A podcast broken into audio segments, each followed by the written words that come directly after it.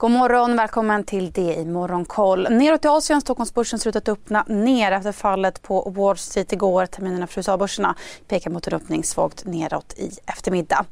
Vi ska dock börja med några rapporter. Hygienkoncernen Essity som tidigare la sin rapport till idag redovisar ett justerat ebit-resultat på 2,8 miljarder vilket var klart bättre än väntat. Det är även omsättningen på 34,3 miljarder precis som den justerade ebitda-marginalen på 8,2 procent.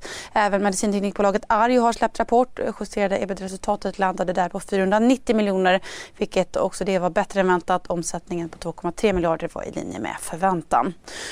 Så till Asien där Tokyobörsen backar närmare 2% Hongkongbörsen är ner en halv procent. Shenzhenbörsen faller 1% och Shanghaibörsen handlas i sidled.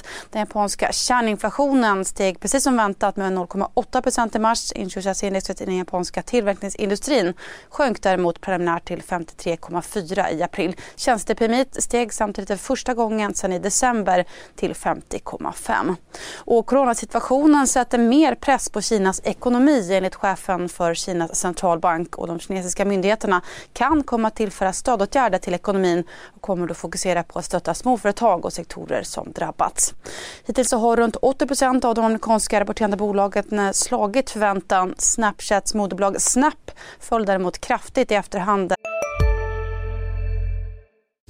Hej, Synoptik här. Så här års är det extra viktigt att du skyddar dina ögon mot solens skadliga strålar. Därför får du just nu 50% på ett par solglasögon i din styrka när du köper glasögon hos oss på Synoptik. Boka tid och läs mer på synoptik.se. Välkommen! Men återhämtade sig sen och vände till plus efter sin rapport där resultatet inte nådde upp till analytikernas förväntan. Börserna på Wall Street gjorde däremot en motsatt resa och stängde klart ner efter att ha öppnat uppåt igår.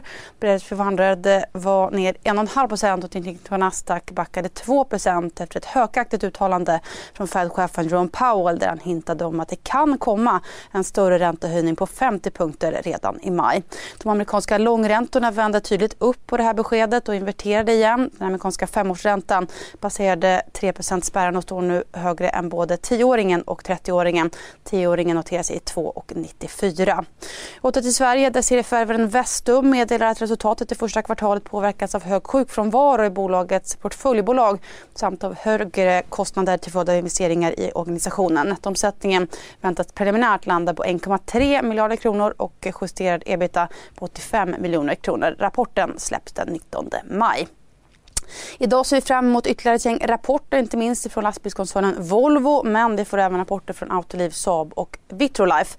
Vi får också en del preliminära PMI under dagen, bland annat ifrån euroområdet. Det får ni inte missa.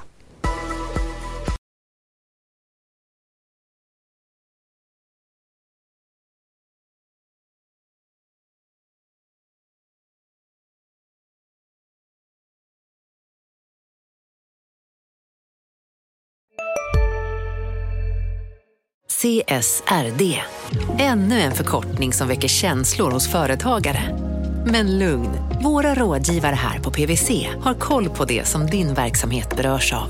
Från hållbarhetslösningar och nya regelverk till affärsutveckling och ansvarsfulla AI-strategier. Välkommen till PWC. Om en så vidde på väg till dig för att du råkar ljuga från kollega om att du också hade en och innan du visste ordet av du hem kollegan på middag och...